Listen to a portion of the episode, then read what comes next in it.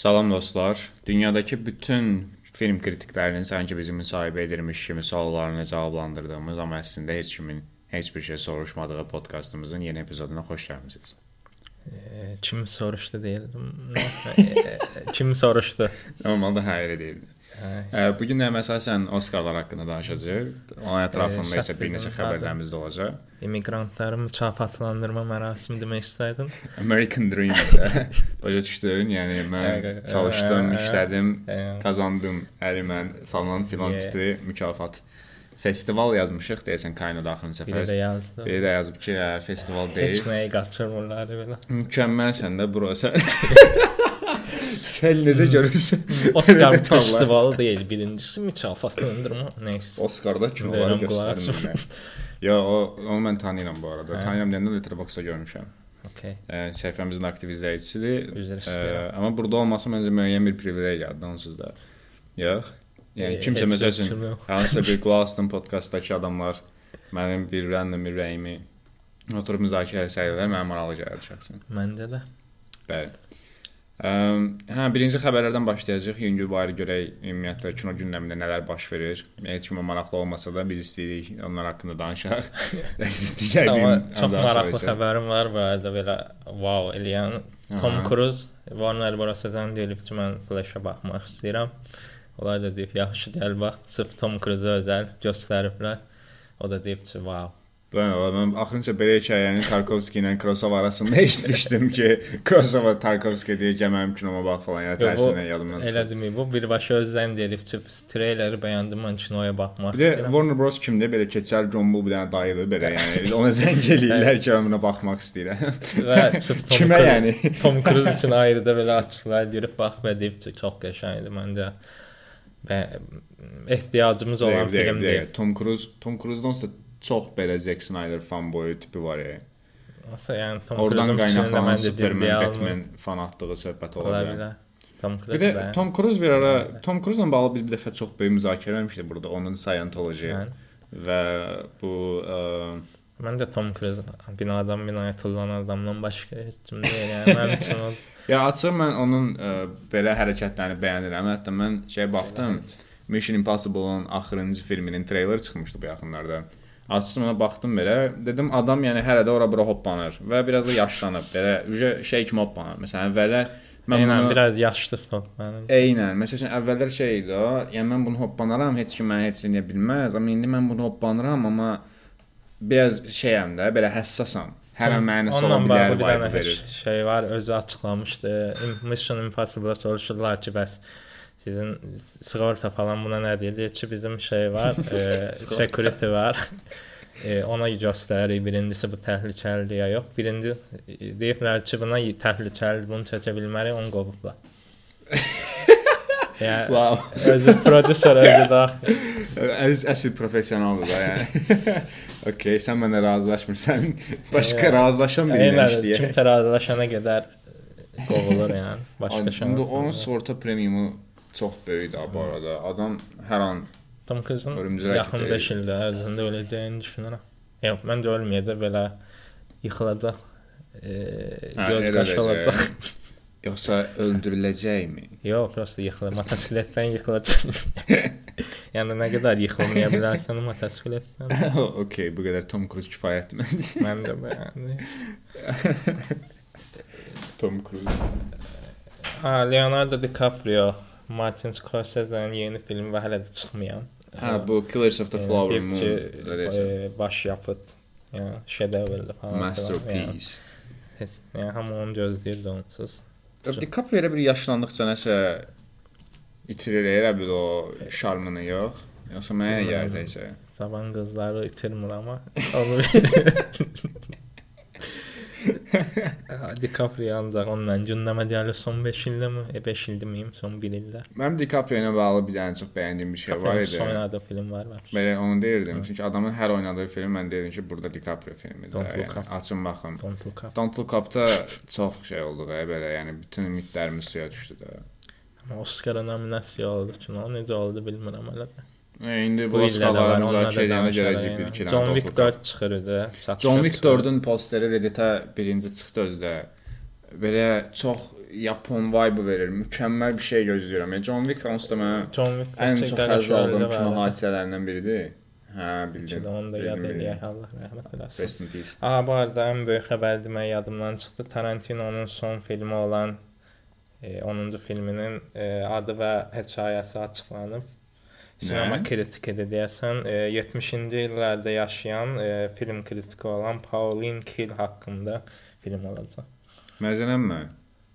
Aa.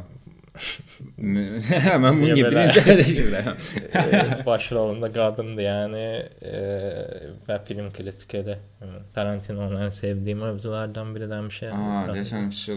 Nə vaxt çıxa bilər? Bəllidir belə şeylər. Hələ adı açıqlanıb sadəcə. Maraqlı. Yəqin növbəti ilə gözləyə bilərik də bu kinonu belə Mən də düşünürəm. hələ növbəti ilə çəkilişi başlayır. Hələ Okay, düşdüm. Tarantino'dur. Yəni əslində çox maraqlı səslənir. Çünki Tarantino bu mövzularda həssaslığı çox bəllidir də onsuz Çox da. ciddi alacaq yəni. Yəni onsuz da alırlar, amma daha ekstra da. Minlərlə referans olacaq. Bəs necə gözləyirsən? Once Upon a Time in Hollywood kimi gözləyirsən, yoxsa daha çox 90-cı illər Tarantino kimi? Mən də daha çox belə klassik sinemaya sevgi məktubunun Tarantino var. xey Amma. Tarantino var. İstəmirəm istəmirəm sevgi məktubu. Mən də istəmirəm, amma Tarantino- yoldan keçən sinemaya sevgi məktubu çəkir. Sinema öldü, sinema qalıb. Sinemanı bastırdılar. Steven Spielberg, e, Damien Chazelle yəni. Hə, Babylon. Bəs Yoldan də bildik də, okey, hər dəfə kinoteatra gələndə gərək axırda 60 Yəni mindən də. kino görüb gözümüz dolsun sonra gələk. Biz görməmişik də bro, mən nədir görməmişəm. Şeydir o. də Mövzu tapamırıq nə? Kimə Mövzu sevgi tapamamamız haqqında şey var, adaptation kinosu var. Nə təxəssüs trend oldu bu. Yəni o da Yəni ən azından əvvəllər 10 ildə bir dənə belə kino çıxırdı. İndi hər il sinemaya. Özü bunu elə Tarantino başlatdı da deyəsən Once Upon a Time in. Hollywoodla. Kino Hə də o 80-ci hə, western, olabilir. western falan filan belə həmin dövrün Hollywoodu daha çox belə Los Angelesdə belə. məktubu demezdim ona. Nə? Amma o məktub teması da yox idi amma. Ya ən azından biraz fərqli idi də, hə. heç. Kino necə sehrlidir. Ay. Birbaşa elə deyildi, hə, və biraz da Fabel Bruce Mans narahat bir oldu. məsələn. Amma Fabel Mansla Spielbergin öz həyatıdır deyə bir nöqtədə şey olursan. Hmm. Yəni enough da yəni adam Spielbergdir. Bu mövzuda bir dənə İtalyan rejissor var Sinema Paradiso çəkmişdi. O məsələn Tonta adı yadımda Giuseppe Tontarello nəsə belə adını tamamilə səhv demiş ola bilərəm. arada. Yalandan düz demirsən kimi eləyə yenə gəlib Giuseppe Tornatello. komment yazacaq. Siz deyəsən Federico Oscarlar festival deyil. Ha, o Sinema Paradiso məsələn çox qəşəngdir o mövzuda. Hətta orada bir dənə səhnə var, get geri qayıtma falan. Biz onun statını paylaşmışdıq. Bir də bunu bir xəbər var idi. Keçən podkastda demək istəyirdim, yadımdan çıxıb deyə içimdə qalmışdı. İndi Keçən podkast bir ay əvvəl idi, aktualdır. Yəni aktual üçün çıxmayıb Spider. Deyil mən Spider vs Spider mən Noir'ın Amazon serialı çıxacaq. Hə, buna necə reaksiya verim bilmirəm. Amazondan qorxuram. Nicolas Cage olsun. Amazonun Invincible Amazon- və The Boys-dan başqa Yəni. yaxşı elədiyi bir şey var. Yox. Yəni super qəhrəman temalıdır. Ə, yəni okey, super qəhrəman teması, amma bu The Boys-la Invincible demək olar ki, eyni xəttdə əslində Amazon başqa nəyi var? yaxşı olması Niyə var? məntiqlidir. Fleabag.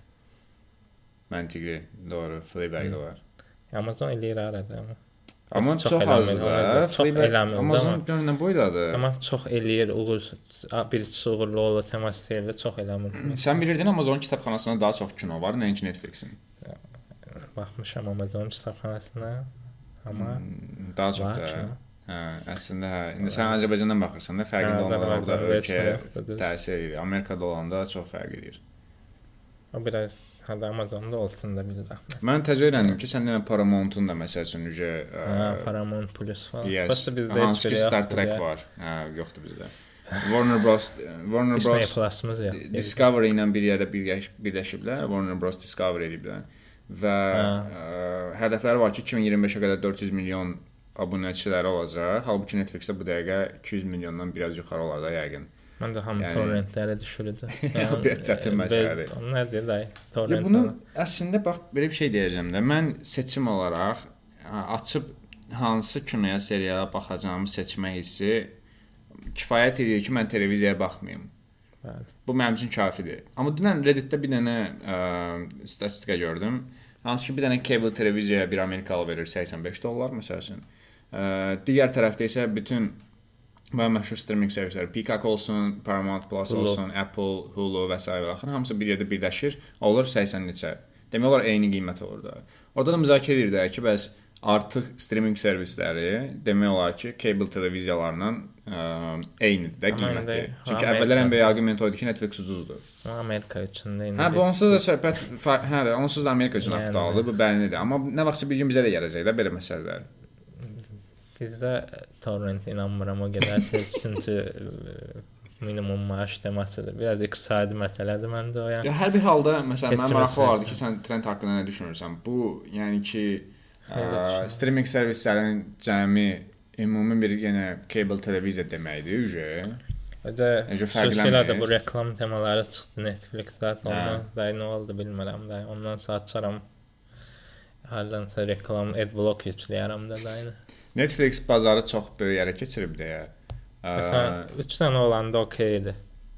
Bizə hər seriala bir məsələn Breaking Bad-ın şeyə çıxacaq. AMC Plus-da nədir? Onu ayrı alırsan. Hə, bildim. HBO Onu Max, insanlar e, çox qəşəng həll eləyiblər. Rotasiya eləyirlər. Məsəl üçün bir ay alır Netflix-lə Disney bir yerdə. Növbəti ay artıq baxır ki, Disney-də izləyəcəyi serial və yaxud da ki, film yoxdur, yeni bir şey. Ona görə rotasiya eləyir və çünki asandır da ləğv eləyib digərini almaq. Keçir Amazona ki, hə, orada serial var və yaxud da ki, baxır ki, heç birində yoxdur, hamısını birbaşa ləğv eləyir. Alan olanda bir də alır. Yəni belə rotasiya eləyərək dəyişir, amma defaultda bir dənə şey var da. Netflix məsələn məs məsələn deyirəm, Hər həmişə dostun- var. Hər 5 dostu tərəniz birini alırsınız. Dəyişə dəyişə var. Məsələn Netflix məndə həmişə var, bu dəqiqə də var da. Yəni bi- bilirəm sənin falan onun bunun profillərdə alım. Azərbaycanda Netflix məndə 5 dənədir. Hə. Qalan hamı eyni salmışdı. Onsuz da birazdan o mümkün olmayacaq. Hə, danışırlar. Hər bir halda mən düşünürəm ki, rotasiya fikri Yəni, Son idealdır. xəbəri də onda deyim çetirəskarlara. Avatarın 9 saatlıq versiyası var. 3 Avatar 3. Onu serial kimi şey eləmək istəyirlər. Amma bir, kinoda çıxacaq. Kinodan sonra 9 saatlıq versiyanı serial kimi buraxacaqlarmış kimi bir şey oxudum. Okay, maraqlı. Mən Hə. baxmaram elə bir şey olsa barədə. Mən çox böyük ehtimalla baxaram populyar mədəniyyətin bir qulu olduğuma görə. Hə. 9 saat. Avatar da yəni Yəni böyük ehtimal alov atan adamlarla yenə eyni şey. e, bilmək olmaz. Bax məsəl üçün bir-birlərini parçalayan qəribə varlıqlar olsa, oturub baxaram. olmayacaq məndə. Yəni çünki Bilməm. Avatar 2-də konsept mükəmməl idi. Bir-birlərini parçalaya biləcək varlıqlar var idi və biraz Amma- parçalayırdılar. Amma çox romantik oldu. Bir yerdən sonra ailə falan filan dedim, bro, yəni sən Avatarsan, e, burada bunu. Təəssüf National Geographic olayından. Balina ilə danışıram moruq. Görürsən bu King Kong kimi istəyirəm də. Allah bu hoplansın ora bura vursun da cəmaatı. Avatar 1 vs. mükəmməl idi o cəhətdən. Avatar 1-in döyüş səhnələri yadında. Yox. Şey, avatarların özləri Hə, hə, hə. quşların üstündən Eynən. helikopterlərin üstünə hoppanırdılar falan orada çox qəribə şeylər olurdu. Bax Avatar 2-də bir də mükəmməl bir səhnə var idi. Bu nizəni götürür. Bir dənə helikopter atır və helikopterin içindəkinə dəyir belə helikopter aşır oradan partlayır da sonra. Filmin ən mükəmməl səhnəsi idi. Qalan hamısı apartırlar. Bir dənə o səhnəni mənə ver, mən 5 ulduz Letterboxd ədd edirəm yəni. YouTube Avatar ölüm səhnələri. Məntiqli dərsində. Biraz da nəysə bunu deməyəcəm. Bu, bu qədər bəs. Zirvədə bura. Okay, bu qədər bəs. Bu qədər bəs. Keçək Oscarlara. Oxuyursan Siyanı? Mən oxuyuram. Everything everywhere all at once qutardı. 95-ci Ən yaxşı Oscar mükafatları. E, everything everywhere all at once ən yaxşı film. Okay. E, namizədləri oxuyum, nə edeyim? Oxuyaq da, yəni. Nələr var idi? All Quiet on the Western Front var imiş. Bu onsuz da, yəni E, Çin müharibə filmi izləməyənlər üçün yaxşı müharibə filmi. deyə həqiqətən yaxşı müharibə filmi izləmək istəyirsə, məsələn, gedin baxın, ə, adı yadımdan çıxdı. Kommentçi Yox, Robert Ee, De Niro'nun şey- olduğu kimin? Robert De Niro'nun olduğu kinonun adı nə idi? Robert Deer De Niro. Hunter. Deer Hunter bəli. Maral ovçusu. Ona Bir də şey var idi. dəhşət kinodur. Godfather rejissorunun çəkdiyi adlarını bilmirəm. Hə, çox şeydir. Ya belə yaxşı müharibə kinoları izləmişik. Xoşbəxtlikdən. Ona görə müəyyən qədər bu janr haqqında fikrimiz var. yaxınlarda Platına baxdım məsələn. Platon klassikdir onsuz. da. Qəşəngdir, yəni. Niyə ehtiyac? Nəysə, Avatar niyə var burada? Yenə danışdıqca əlli var. Elvis var məsələn, e, heç sevmədiyim. Hə, İndi baxıram belə çox qıt Elvisdən təsəvvür et Elvisin kostyumundan Razimiyə namizəd olmuşdu Tom Hanks, yəni necə Oscar-a düşməli. Banshees of Inisherin var. Okay. Onsuz da E, əsasən Kədərli problemimiz budur. temamız. Fabelmans gözəl kino idi. Tar Top Gun Aha. Maverick, Tom Cruise-un yenə çılpaq Okay, bax bədəni. burdan artıq deyə bilərik ki, yekunlaşdı. Yox, Woman Talking də Triangle of Sadness. Triangle of Sadness-dən Woman Talking-a baxmamışam açığı. Ona görə bir şey deməyim. Woman Amma- Talking şeydir, 12 əsəbi adamın qadın versiyası kimidir. Ha, okay, baxaram onda elə şeylər. Sevirəm. qəşəng. Okay, onda belə deyim. Mən əsasən burada həmin kateqoriyaya layiq bir tadı görürəm. Bir Banshees of Inisherin görürəm. Fableman ola bilər biraz, Fablemans. Bir də ki Everything Everywhere All at Once. Bunun burada Everything Everywhere All at Once-ın ən yaxşı kino almasına böyük bir etirazım yoxdur. Mən aslında əslində baxanda nəysə axırda şey eləyər buna. Yəni ki onsuz da ya ya ya. mən düşünürəm ki, ya Banshees of Inisherin almalı idi, ya Tar almalı idi, ya ki bu yəni almalı idi. Yəni ona görə Elvis almadı ən azından deyə bilərik. Eynən. Təsəvvür avatar aldı. Evet, ən yaxşı rejissor. E, e, rejissor deyim, kino deyim. Rex kino dedi onsuz. Yox, rejissorun kino. Hə, ikisini dedi də. tanış Daniel olmayan. Kwan, Daniel Shiner. Adı yəqin belə. Daniel oxunur. qardaşları. Qardaş, okay. Everything Everywhere All at Once qazandı. Martin McDonagh, The Banshees of Inisherin, Steven Aha. Spielberg, Fabelman, Todd Field, Tar, Ruben Östlund, Triangle of Sadness. Ə, Burada da məsəl üçün Mən Spielberg uçsun istəyərdim, adam öz həyatından kino çəkir. Spielberg udacağını udub da. Yəni bu adam onsuz da Amerikan hə. kinosunun təməl sütunlarından biridir də Amma hal-hazırda. sırfdan adam Budur Scorsese-dir. Amma indi özünü çəkir. Yəni adi kino deyil, bir dənə belə. Çəkisini indi hər özünü McDonagh. Amma Daniel qardaşlarının elədiyi həqiqətən mükəmməldir axı. Qardaşlar. Adları eyni olanda qardaş olmurlar.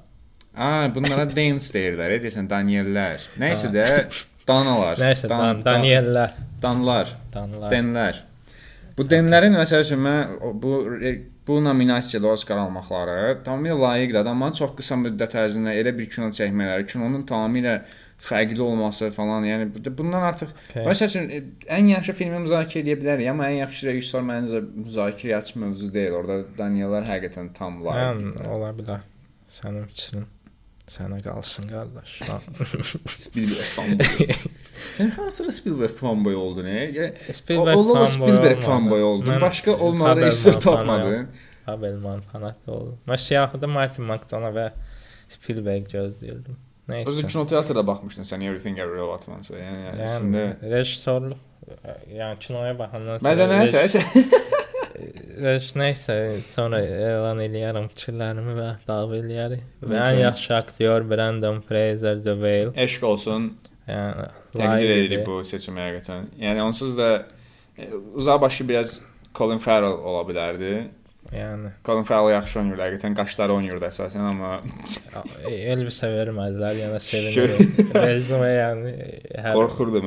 ölən hər adamı Oscar verirlər. Bu trend də yekunlaşsın. da. Bir bu kino Hə, ölən dedim arada Elvis ölüb. Sinemanın qızıl çağına məktublar, bir də ki e, bu bəndlərin filmoqrafiyaları, bioqrafiyaları, zırt-pırt Yes. falan bunlar da hamısı yekunlaşsın da xahiş edirəm. Biz deyirik gözümüz mazal oldu. Çıxacaq yenə nəsə. Bir də Blond da var idi bu arada şey Hə. Ana Diarmas. Ana Diarmasın adını necə tələffüz edirdi? Biz bir dəfə bunu müzakirə etmişdik. Ana Diarmas. Ana deyərəm. Nəysə, elə ən yaxşı aktrisa burada, a, bu da qəşəng dramalar çıxdı. Hə, Michelle bu mövzu Michelle bu mövzu Mike- mənim çox radikal dərəcədə qarşı olduğum Sən şey. gördün onun paylaşdığı şeyi Michelle Yeoh. A, dramasını bilmirəm. Ha, deməli Michelle Yeoh bir dənə repost elədi bir postu. Postda yazılmışdı ki, e, Kate Blanchett'in 18 Oscar'ı var. Biz Asiyalılara Oscar almalıyıq ki, məndən sonrakılara nümunə olun falan. Ona verməyim, mənə Ona repost eləyib. Aha. Niyə? Niyə eləyirsən silib sonra. repost? Yəni kral Yarım- sən Yəni də et. Ondan sonra düşdü aktrisan, aktrisasan da Kate Blanchett niyə ilişsən? Adamın Kate Blanchett mənim o sırada olduğum mövzu idi ki, Kate Blanchettin apardığı rol nə olar mənə verilmiş kimi olub biraz. Amma bütün festivalı bağla adını Kate Blanchett'i yaz Festival qoy yəni fe- şey də mərasimi. Yəni Kate Blanchett'in aktrisalığı mükəmməl ötəsi bir şeydir. Ən yaxşı aktrisa mükafatına ad verə bilərdim. Yox, verənmə çünki şey var. Ha mükafatın adını dəyişək. Yaz ki, Kate Blanchett adına ən yaxşı Yəni, aktrisa deyirəm, amma mükafatı. şey var idi də. Hmm, Ən çox Meryl Streep. Hə, Meryl Streep. Kate Blanchett'in buradakı rolu var ha. Blue Jasmine-də apardığı roldan daha yaxşı idi. Çox çox ağır bir şeydi. yaxşı. Mən ona heyran olaraq baxdım kinoya. Kinoya Kate Blanchettə görə. Mən də açıq sırf ondan ötürü baxdım. Yəni, Özdə Kinoya tar demirəm mən, hətta Kate Blanchettə baxdım deyirəm. özdə özdə otoriter woman Yəni, bəli. həssas nöqtəmiz kostyum şalvarda. Ana de Armas var idi, yaş verilməyəcəkdi. Andrea Reza Nominasiya alması belə onun üçün böyük bir şeydir. Michelle Williams, bla bla bla. Ən yaxşı supporting aktyor. Bunun ən çox sevindiyim Okeydir, bu. Ən yəni. çox sevindiyim bu bu Ki Hui Kwan. Bu da yəni o m, məncə layiq idi sağlama. Sağ ol. Və çox şirin ə, qaqaşdı belə sevindi. Hə, cute yəni belə. Brendan Fraser-la bir yerdə aldı Eynən. falan. Oralar pozitiv idi bə. Amma bilən Özü biliyorsun. adam fanboy kimi yazır belə hamı ilə şəkildə. Abi bu Asiyalılar əslində hamısı belədir. Belə Çox şirin aparırlar Adam özlərini. qaçqın da, yəni deyir Amerikaya qayıqla Məcbur gəlmişəm köçkün falan Murat. dedim, yəni. Okay. Ağdamdan cavab. Təsəvvür elə Azərbaycanda mükafat şey var, festivalı var və ağdamlara verirlər deyə etiraz edirlər. Kate Blanchett almamalıydı Ağdamlılara. Örnek olması üçün Ağdamlı aktrisa almalıydı. Ən mükafat. mübahisəli yerə gəlir deyəsən ən yaxşı yardım aktrisa Jamie Lee Curtis. Hə, Bu Curtis necə? tamamilə onun əvvəlki repertuarına Yəni. verilmiş mükafatdır. Yəni, Yəni, çox mənasız oldu bu. Yəni ki, çox aydın. Mən sənə aydın oldu. O mərasim Oscarlarda səs verən adamlar var ya. Festival yox. Ücret dəyişdim onu. Bu səs verən dayılar var ya, ağ dayılar, Amerikalı kostyum şalvarlı keçər ağ dayılar. Hə, bu təcavüzçülər hamısı. Hamısı oturublar belə. Görüblər ki, Abi dəqiqə, everything every all at once hamısı Asiyalıdır. bir dənə də dəqiqə. Jamie Lee Curtis, amma mən bunu tanıyıram, bas getsin. Basıblar elə və axırda da seçilib da yəni. kim Yoxsa ki, vermək olardı? Burada Banshees of Inisherin Yəni Carrie Condon. mütləq yəni. Ya Stefani, arada oldu. Stefani Husu məndə Jamie Lee-dən daha yaxşı idi. Prosta yəqin deyiblər. O da tamamilə düzdür. Sadəcə orada mən maraqlandım. Jamie Lee. Curtis Oscar-a 3 nominasiyası yəqin ki, ayıb olmasın deyə veriblər yəni. Başqa. Yəni elə görünür onsuz da. Formada. screenplay məndə Banshees of Inisherin almalı idi ən azından. Everything Everywhere. Ya, Bura da okeyəm. Yəni, Amma mən hər bir də, halda- e, 9 dənə şeyə verərdi, 7-sini mənə verməyin. Yox da mən 1-2-sini olsa dedim Banshees almalıydı. E, Məncə bunun ssenaristi Banş nəysə, boş ver.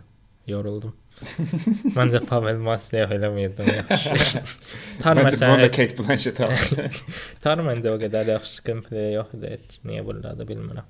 Tarın ağır screenplay var idi. də. Hı, Jokerin də biraz. Jokerin Joker. Jokerin də amma Jokerin bəstəkar idi. Yes. Prosta klon deyildi. Razıyam. Bu mükəmməl təsbitdir bu arada. Tar çox yaxşı filmdir. Biz onu danışacağıq, prosta danışa bilmədik. Bəlkə danışdıq. Nəysə. Hə, olur. Best adapted screenplay Woman Talking-ə getdi. Buna da okeyəm. Baxmamışam, deyə bilmirəm. Bunda da e, ha heç bir şey.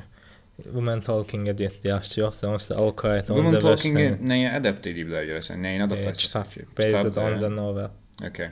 E, romandır. Okay. All Quiet on the Western-i yaxşı vermədilər çünki romanı yaxşı adaptasiya eləməmişdi məndə. Onsuz da biz bunu danışmışıq əslində bir neçə Glass dəfə. Onion var vardı. Hə? Ha, o Based on characters Knives yəni e, E, olan Knives Out Aha, hə də hə, bu skvellər falan adapted sayılır da. Adaptasiya olunmuş ssenari sayılır mən bilirəm. Living var idi, şey məşhur Kurosawa'nın məşhur Ikiru kinosunun bir versiyasıdır. O Okay. var. Marvel. Qəşəngdir arada, amma orijinal daha yaxşı. Top Gun Maverick var arada. Yəni. O da Top Gun-un sequel'dır da. Ha, yaxşıdır, hayıfdır. Animasiya e, Pinokçoyalıdır bu layiq. Animasiyadan bax indi bir dənə biraz mübahisəli bir şey deyəcəm. Aha, Mən Puss in Boots-a baxdım. Hı. Amma amma yəni yaxşıdır, bəyəndim. Hətta 4.5 Letterboxd son balı verdim. sözlərimdir deyəsən. Amma yəni mən onsuz da animasiyalara çox rahat 5 falan verə bilirəm və hər bir halda düşünürəm ki, Kung Fu Panda 2 daha yaxşıdır. Nə yapsın bu? Kung Fu Panda 2 daha yaxşıdır nəinki Puss in Sən Boots. heç nə bilmirsən. Eee, bunun haqqında Nəticə? 7 dəqiqəlik monoloq eləyərdim amma çox yorulmuşam. Var da Pinokçionun odanda Del Toro'nun qəşəng çıxışı oldu. Dedi ki, animasiya uşaqlar üçün deyil, sadəcə bu bir mediumdur, sənət növüdür, ciddi alınmalıdır falan filan. Qoşa. Ona görə hörmətimiz artdı yenə. Yəni konkret oradakı daydaylara dərs keçirir cəmaət. Yəni bunu bilməyən onsuz da bunu bilməyənlər səs verir orada. Yəni Biraz restrukturizasiya eləmişlər əslində. Biraz belə baxıram o Oscarın akademik heyəti daha yaxşıdır deyə fikirləşirəm seçimlər.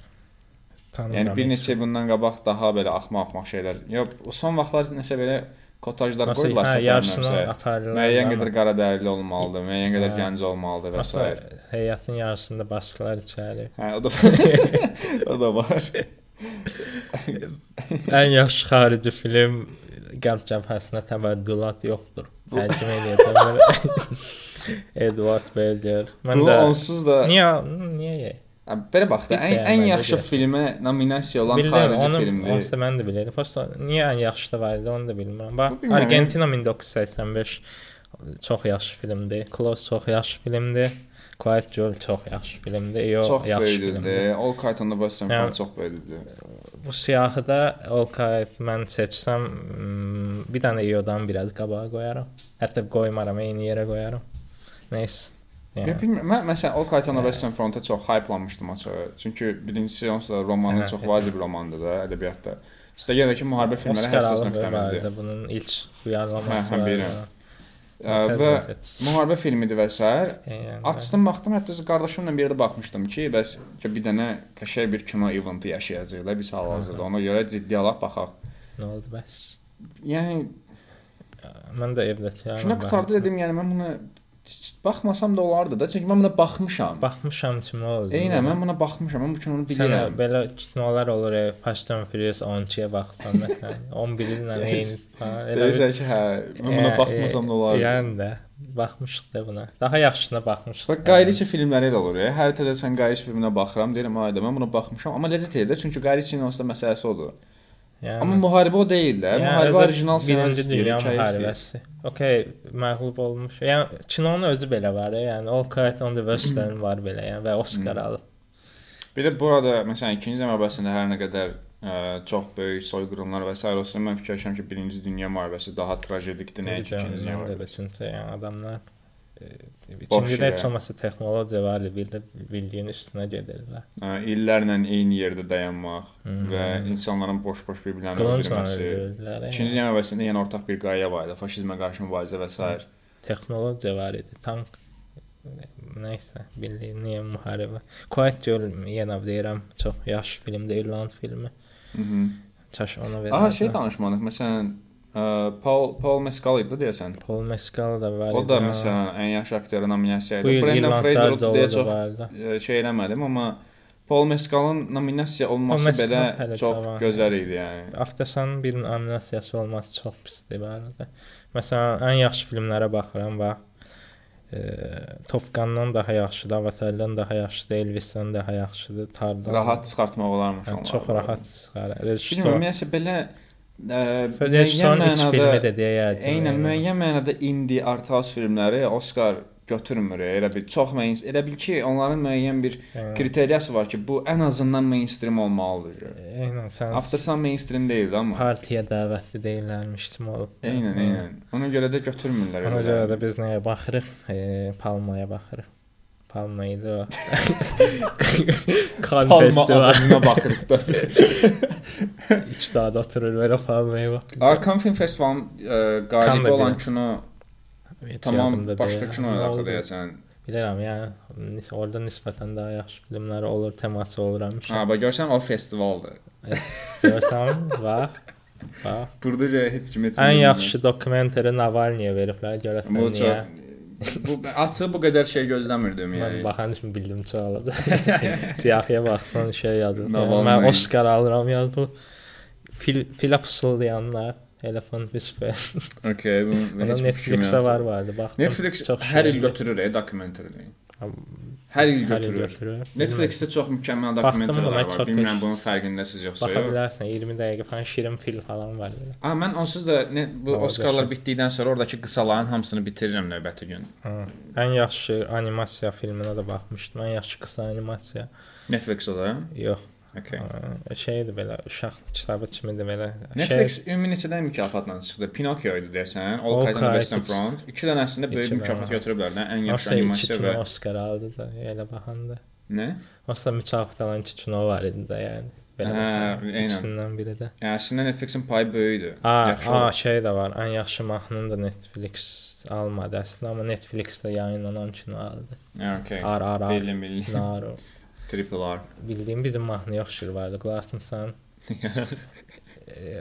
Evlətlərə falan göstərdim ki, bunu bir daha bax, bizim bir daha mahnı vardı, onu oxşu deyir. Hə, hə, odur falan. Prosta rəqsi qəşəngdir, okey. Dirəşmədim. Ən yaxşı mahnını belə All Quiet on the Western aldım, amma qəşəngdir mahnısı. Mahnısı yaxşı idi.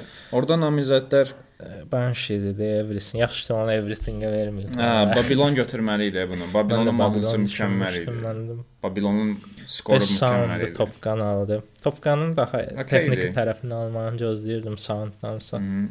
Sound'u da Batman falan. Ha, Batman görürəm burada. Bax, ən əsəbləşdiyim hissəyə gəlirik. Batman-a. Yox, ə, Best Production Design. Ha. Bunu Babylon mütləq götürməli idi. Avatar belə. Bunu ala All Quiet on the. Western Front'a verdilər. Yəni aydındır müharibə filminin koreografiyası və sair bir Yəni. çətindir, amma Babylon ş- koreografiya şahesəri idi. Damyan Şazel Babylon filmidir. Sən ona necə haqqında kino çəkir. Eynən, adam Damyan Şazeldir. Yəni sən ona necə bu O mükafatı bir dənə səhnə var, o səssiz filmdən keçiş səhnəsi var. o O, idi, o, o. o, ayrı, o məsələn alma. O məsələn soundda da yaxşıdır. Ha, halbuki indi Top Gun okey, orada çox fərqli şeylər eləyib. də. Hə. Quiet on the West. Hmm. Elvis var burada. Elvis'in sinematografiyası var. Ay Elvis'in, mən Elvis'in Biz ondan sinematografiyası. mən Elvisə baxmadım. Baxmadım. Mən gördüm arada. Kaino'da ə, onun videosunu paylaşanda səhnəni gördüm hə. belə. Nə iyrənc səhnə idi o. Biz onu paylaşdıq ümumiyyətlə? Mən onu qoymuşdum Creative birdən Austin Butler Oscar verələr bir də gördüm paylaşdım. Çox pis səhnə idi o səhnə. Kinonun şey səhnə ən yaxşı səhnələrdir. Kinoya baxdım mən ilk dəfə də bir kinodan çıxanda başım ağrıyırdı. Yəni bir dənə də belə bütün effektləri basdılar belə TikTok. Bohemian TikTok Rhapsody kinosu idi idi. bax. Hər söz deyəndə personaj edit olurdu belə, kat Yəni, girirdi ortaya. Bu da laf şeydi deyə belə havadan uçan şeylər. Aa, Qəribə qəribə idi. Best Make-up the Whale aldı bunu razılaşar. Adam 120 kilo mu makyaj deyilmişdi deyəsən. Hə. Okay. Aa, bunu linçləyirlər ha bu arada. Deyirlər ki, fət insanı fət insanı oynamalıdır. Fət insan deyəndə Pattinson kimi çıxdı. Yəni kök insanı kök insan oynamalıdır. Mən bununla tamamilə ə, razısan. deyiləm. Tamam, məncə deyil. aktyorların əslində əsas işi odur ki, Yəni də olmadığı kimi davranmalısan da. Bəli. Yəni əslində biz bunu eləyərək şərait yaratmalıyıq ki, məsəl üçün hər hansı bir məşhur yer artıq belə insanların beynində established olmuş, yəni yerləşmiş ağdərili personajlar da qara dərili, Yəni, asiyalı və sair insanlar Revenlet bilsin. adi kök insan deyildi vardı. Yəni ölürdü. Yəni o qədər kökçü Mhm. adam ölü. Onu hərdən tapacaqlar. Təsəvvür elə gətirmisən yəni, ölü. Kök olub yaxşı olacağını düşünən neçə aktyor ola bilər. Ona Yəni, görə Tilda Swinton yaşlı rollarda oynamasını heç vaxt. Bunu demək sən demək, bunu demək o demək ki, sən məsələn İdris Elba James Bond ola bilməz deməkdir. Yəni Müəyyən mənada. m, çox dəxli olur deyə falit eləməyəcəm amma. Ya məncə var dəxlisi.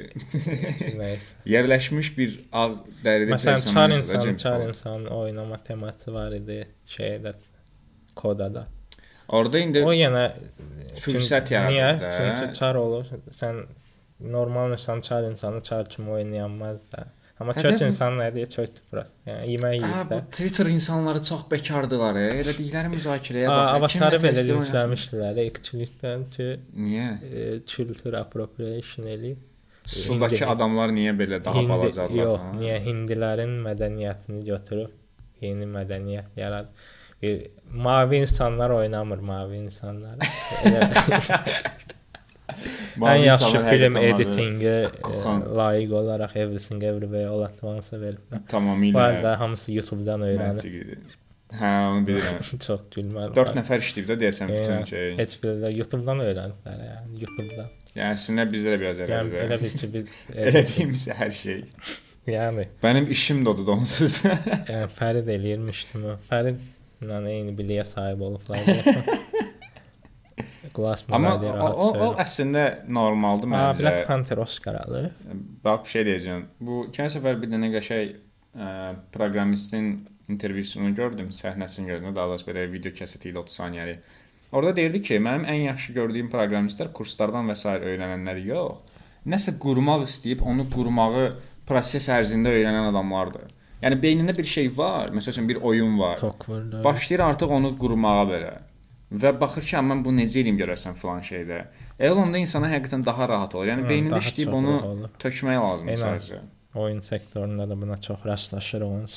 Mhm. Mən Excel-də də məsələn elə işləyirəm. Best costume design Black Panther. Okay, amma Babylona verə bilərdilər bunda. Babylon yoxdur orada. Var. Babylon. Orada əsərlər Ha, falan. var, var, var, hə, doğru. Miss Saris Ghost. Ya məncə bu bütün hamısını da Babylon best score, best production ən yaxşı design, best vizual costume, Babylon effektlər var idi. avatar veriblər o normallara. Okay. Top Gun-a verə bilərdilər, belə şeylər vardı. Top Gun-da vizual effekt. Vizual effekt yox bu, editing falan, nə bilim bu uçuşmalar falan. Top Gun Səsi rəqib ola bilərmiş. olub da. Olur onsuz. Amma yox, udmalı məncə hamısı. Batman sinematografiyanın Okey. Batman nominasiya olunub. Mən bilmirdim ümumiyyətlə Batman nominasiyalara düşür. düşüb düşüb və ya. 22 il. Hə, bilirəm. Prosta orada deyəsən nəsə bir neçə ay söhbəti var belə. Bəzən olur ki, düşmür. Yo martda idi. Metrik seçk olsun da. Şey prosta heç birinə layiq də əslində. Yəni qaranlığa baxırdıq 90 dəqiqə, amma Okay. Ayıb olsun. baxdıq artıq hamısına danışdıq. Deməli, Əsas 11 nöqtələri bir dənə ümumi qısa deyim. Mən fikirləşirəm ki, ə, Everything Every- Everywhere All at Once-ın bu qədər udması biraz abartı olsa da, əksəriyyətin udması normaldır. Ə, və düşünürəm ki, yəni, layiq idilər amma verməyə bilərdilər. Hə, bu qədər verməyə bilərdi. İkinci dərəcəli aktrisanı almalı idi, e, daha doğrusu birinci dərəcəli aktrisanı Kate Blanchett mütləq almalı idi. Tamamilə bu mövzuda radikalam, yəni 100% Kate. Blanchett almalı idi. İkinci dərəcəli aktrisa. Ümumiyyətlə aktrisalar aktrisa mükafatları düzgün yerini bulmayıb çünki bayaqki Oscardakı dayday akademiklərə görə 100% aktrisalar tanımırlar və baxmayıblar heç onlara. şəkillərinə baxmaran, biri qaradır, biri qaraya verdiydi o da. O da idi. Ona verdi. qədər verək falan deyib. Jamie Lee Curtis. Amma fikir ver bax, ən yaxşı aktyor, ən yaxşı ikinci dərəcəli aktyor mükəmməl seçimlərdir. Hı -hı. Ən yaxşı aktrisa və ən yaxşı ikinci dərəcəli aktrisa çox bərbad seçimlərdir belə arxa-arxaya. Ən yaxşı aktrisanı yenə biraz yola vermək olar. Ən yaxşı ikinci dərəcəli aktrisa. Ən yaxşı aktrisa layiq. Mükafatın ən pisidir. Aktrisa da layiqdir. Prosta Kate Blanchett daha yaxşı. Kate Blanchett çox ustalıq göstərir. Yəni Kate Blanchettin iki Oscarı var falan. Yəni yola Alman vermək olar. Yəni dirijorluğu öyrənib adam. Yenidən piano çalmağı öyrən. Tarın açılış səhnəsi yadında Hə, intervyu verir. Hı hı. 5 dəqiqə falan intervyuya baxırıq. eynən. O səhnə. Özü başda elə bilirsən ki, belə tar çox hörmətli insan falan. Hə, sonra detallarına O- girir. Sonra Mən bir yerdə itirdim, dedim biz niyə mən niyə baxıram? Burada nə baş Eynən. ilk 15 dəqiqə falan şey idim belə. Nə şey olur? səhnəsi var idi bir də cancel culture-la mədələnmə səhnəsi. O mükəmməl səhnə idi o səhnə. Çox dayanıb bir də baxdım. çox qəşəng-qəşəng orada sözlər. Tar mükəmməl kinodur, baxın. Kaş danışardıq ey Tar. Belə ə, digər Bir də a, tarın məsələlərdəki açılış səhnəsində Mikail Müşfiqin şeirini oxudular. Fikir verdin. Oxutar, oxutar sənin üçün. Heç davam eləyir. Zarafat eləməli idim. Tar filmin danışanda eləyəsiydim. Danışmırıq deyəndə elədim. Üzr istəyirəm hamıdan. Nə olar? Qızardı nə? Yəni qızardı nə? Yəni konkret. Səs çıxartsan heç nə. Nə olar? Yalandan gülə bilərdim. ya. İndi gülür salamət. Biraz bunu biraz Nə olardı yəni? O qədər də pis deyil yəni. Oxumatar səni. Oxtar, oxtar. Ya biri də var, proletar Oxumatar, falan. oxumatar səni sevmir proletar. Ha, okey, belə tarı belə Ha, kommunist onunla manifestləri. başlayır. Ən axırda şeydir, Miçalmış falan çıxarır. Gərək yazım şeyə, Todd Phillips'e yazım bunu. don't read tarih, don't neyse. Oscarlarla bağlı başqa nəsə rəyin var? Yox. Yəni məncə okeydir. Mən son 3-4 il ərzində yeganə Oscarlara ki, baxmadım. Mərasimlə baxdım bəs. Yox, baxa Şey, bilmədim. e, təkrar falan da baxmadım. Yox, Heç eləməyiblər. Ya onu bilirəm. Amma qəşəng zarafat. Şillə, mən Şilləməklə şillə sevə bəzələnmişlər. bilərdim. E, Şey necə aparıb aparıcım? Adı yadımdan çıxdı. Kimi Jimmy Kimmel, hə? Jimmy Kimmel idi deyəsən. 20 dənə Jimmy var. Kimmel. uje. iki kimi var. Biri Kimmel'dir, biri Tək var. O da var. Yadımdan çıxdı. Necə aparıb? Mənim əslində Qəşəng gözləntім böyük idi. baxdım Çünki. Ellen də o vaxt aparanda selfie söhbətini yaradan Ellen idi də əslində. aslında yaxşı aparır. O yadındadır sənin? Ellen Oscarlarda selfie çəkir sonra ondan sonra hamı başlayır selfie çəkməyə belə. Kevin Yəni Spacey ön kamera ondan əvvəl də var idi də onsuz da. Selfie söhbəti niyə ondan sonra məşhur başladı? selfie o vaxtı YouTube hansısa klipdə falan olurdu belə. Sonra oldu da o klip. Sonra oldu. Elə bil Ellen şəkil çəkdi belə selfie elədi. Və ondan sonra hamı dedi ki, "Aha, selfie." Amma ön kamera var idi onsuz da. Bir də o şək- şəkil biraz qorxulu şəkildə. İndi bax James Cameron, James Cameron nədir? Kevin Spacey falan var. Şəkili bu dəqiqə çəksələr, yəni linç şey Yaxşı bir çaxır kimi yaşlandı şəkil. Age like fine wine Azərbaycan tərcüməsi. Tam tərsi oldu amma yəni, yaxşı yaşlanmadı şəkil. Hə, ya mən onu ironik deyirəm. Yəni. Kevin Spacey kim aktyor idi, çox xeyir. Və salam. Başqa- Ha, heç nə. Kimə yaxşı apardı belə Pedro Pascal falan vardı onların da adı. Dedi, elə bir şeydir də mən şillə vurmaq dəsə çəkməli olacaqsınız Andrew Garfield'ın Spider-Man-i, nə bilim Mandalorian-la döyüşəcəksiniz, tarla belə hamısını bir-bir Hə. göstərin. Onun qəşəngdir.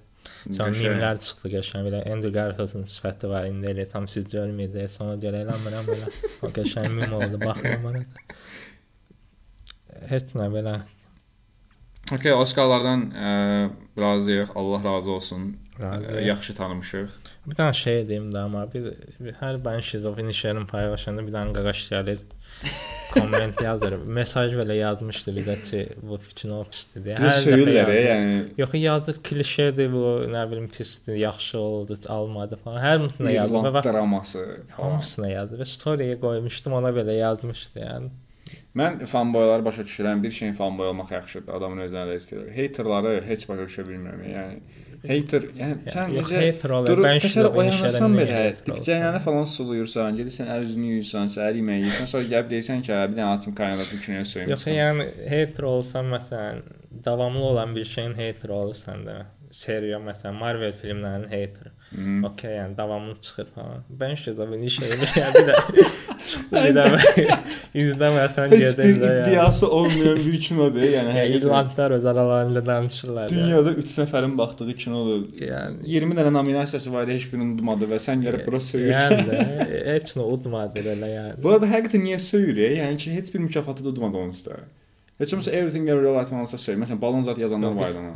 Hə, o heç nə söy heç öz.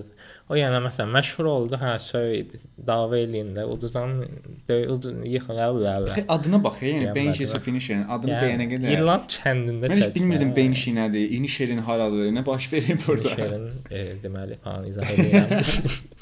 Bu gün çağırış kubokunda yanaşanda Bansheelərdən sual düşmüşdü. Nə hardan yazılmalı? Baş cadıgar kimi bir şey. Hə, Witch İfritə. Belə dostlar, 45 dəqiqə bizim Oscarlarla bağlı 43 dəqiqə 27 saniyə.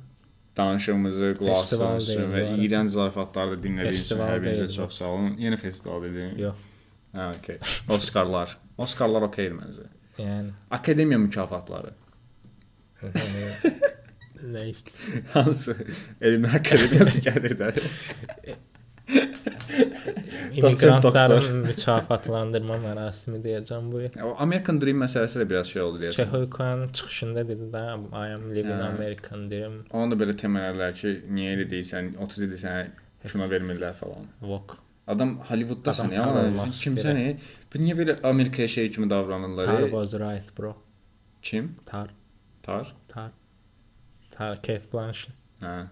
Or, Hə, oradakı Hə. söhbət. öldürdün. Doğru, Sonra doğru. desən ki, yoxdur, zərafət edirsən. Doğru, doğru bildim. Amma elədiyi söhbət çox 45 maraqlı idi. dəqiqəni gözləyirəm. Biz bu arada Hə. biz ondan əvvəl o söhbət eləmişik ya ki, söhbət. ə, sənətçinin əsərinə ayrıca baxmaq lazımdır. Eynən, eləmiş. Yəni biz bunu Mən danışmışdıq. razılaşıram bununla. Bəli. O da əslində biraz özün şey. şey. kinosuna baxıram indi.